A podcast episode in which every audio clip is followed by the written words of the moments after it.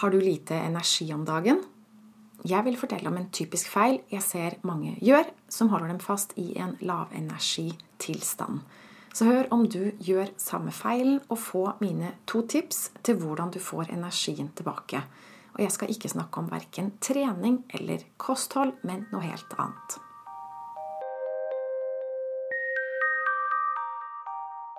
Jeg heter Line Strandvik og jobber online som personlig veileder.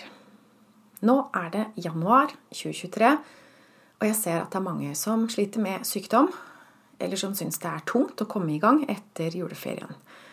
Og det er mørkt, og det er kaldt, og i tillegg så er det andre ting som er vanskelig.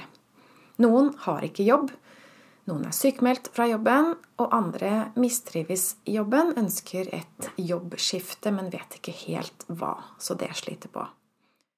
Andre igjen har problemer på hjemmebane, syns det er vanskelig å forholde seg til noen i familien, f.eks. eksen og barna etter skilsmisse. Så det her kan også virkelig tære på kreftene. Spørsmålet er hvordan få mer energi. Det er en typisk feil jeg ser mange gjør, som jeg skal snakke om. Og jeg skal si hvordan vi får eh, energien tilbake, hvordan vi kommer i balanse energimessig. Det er ikke meninga at vi skal gå rundt og være slitne. Slik trenger ikke du å ha det, og slik trenger ingen å ha det.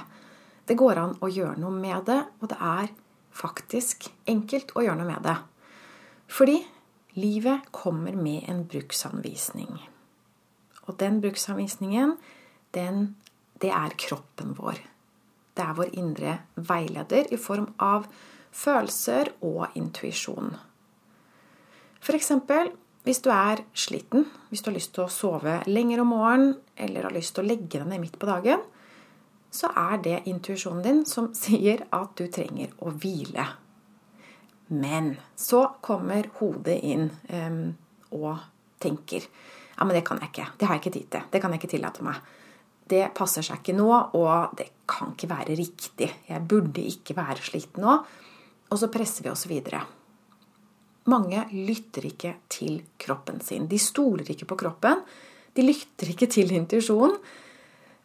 Og det vil jeg si, det er litt som hvis du ser eh, i bilen når du kjører bil, og så lyser advarselslampen at nå er det tomt for olje i bilen din.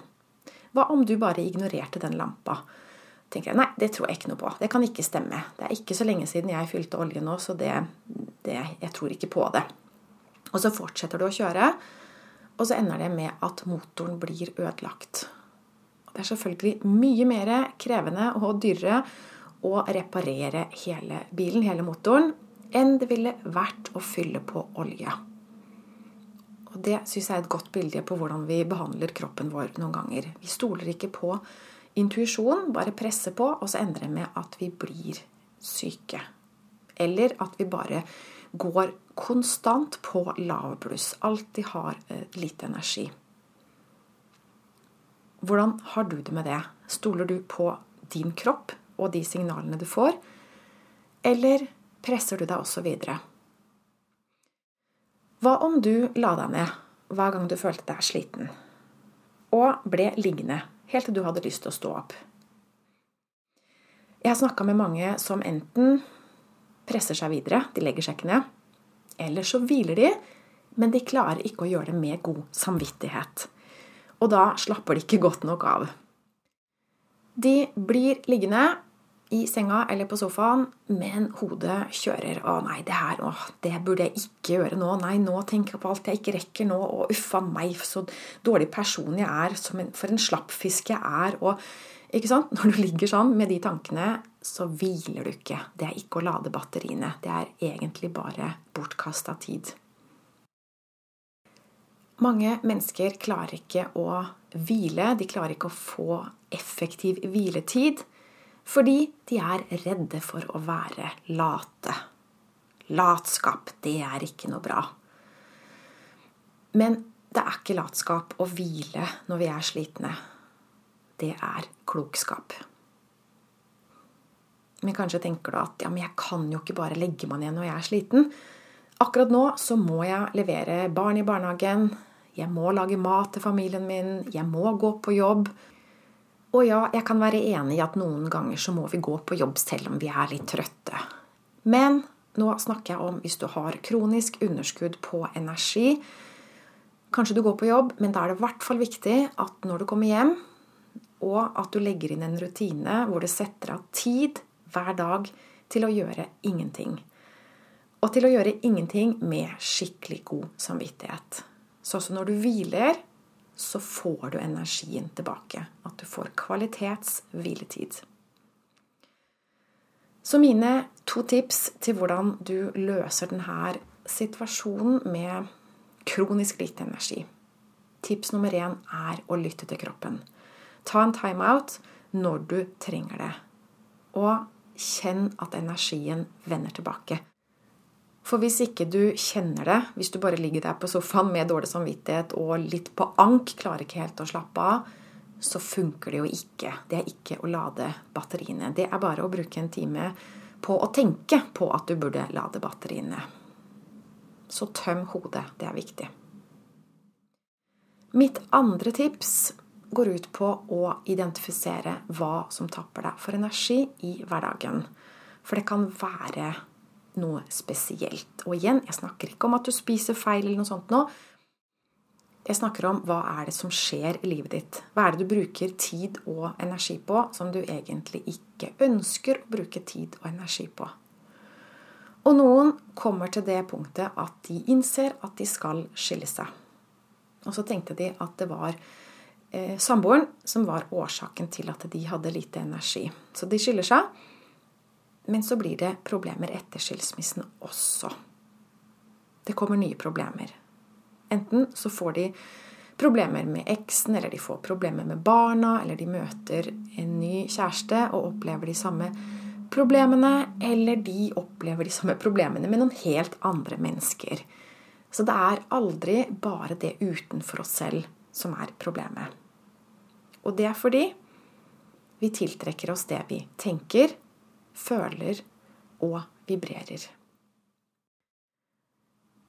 Men noen trekker den feilaktige konklusjonen at de tenker at fordi det ble vanskelig etter skilsmissen, så betyr det at de ikke burde ha skilt seg. Men det trenger heller ikke å være tilfellet. Det det handler om, er at det er ikke ytre ting som vi skal fikse. Ingenting løser seg i livet ved at vi bare fikser det ytre. For å skape en ekte endring i livet, så må vi endre på noe inne i oss selv. Livet utenfor oss selv er bare et speilbilde på hva som foregår på innsiden av oss selv. Vi tiltrekker oss det vi tenker, føler og vibrerer. Så hvis ikke vi endrer på noe inni oss selv, så vil vi ikke bli lykkeligere. Det kan godt være de ytre omstendighetene forandrer seg, men vi føler det samme på innsiden. For å bli lykkeligskilt, for å få et avklart og problemfritt forhold til eksen, for å få et godt forhold til barna, for at barna skal ha det bra etter samlivsbrudd, så trenger vi å transformere oss selv. Og det går ut på å identifisere det jeg kaller røde tanker hvilke røde tanker er det som tapper deg for energi? Identifiser dem, og erstatt dem med grønne tanker.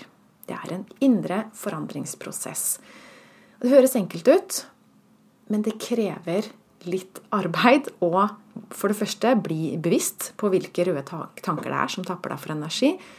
Og det krever en innsats å finne gode grønne tanker det vil si riktigere tanker, sannere tanker, tanker som tar deg nærmere målet, i stedet for å være problemfokusering som bare tar deg dypere inn i de problemene du egentlig ønsker deg ut av. Så de her to tipsene det kan sammenlignes med en 17-åring som ender på sykehuset og må pumpes for alkohol etter å ha vært på en fest og drukket altfor mye.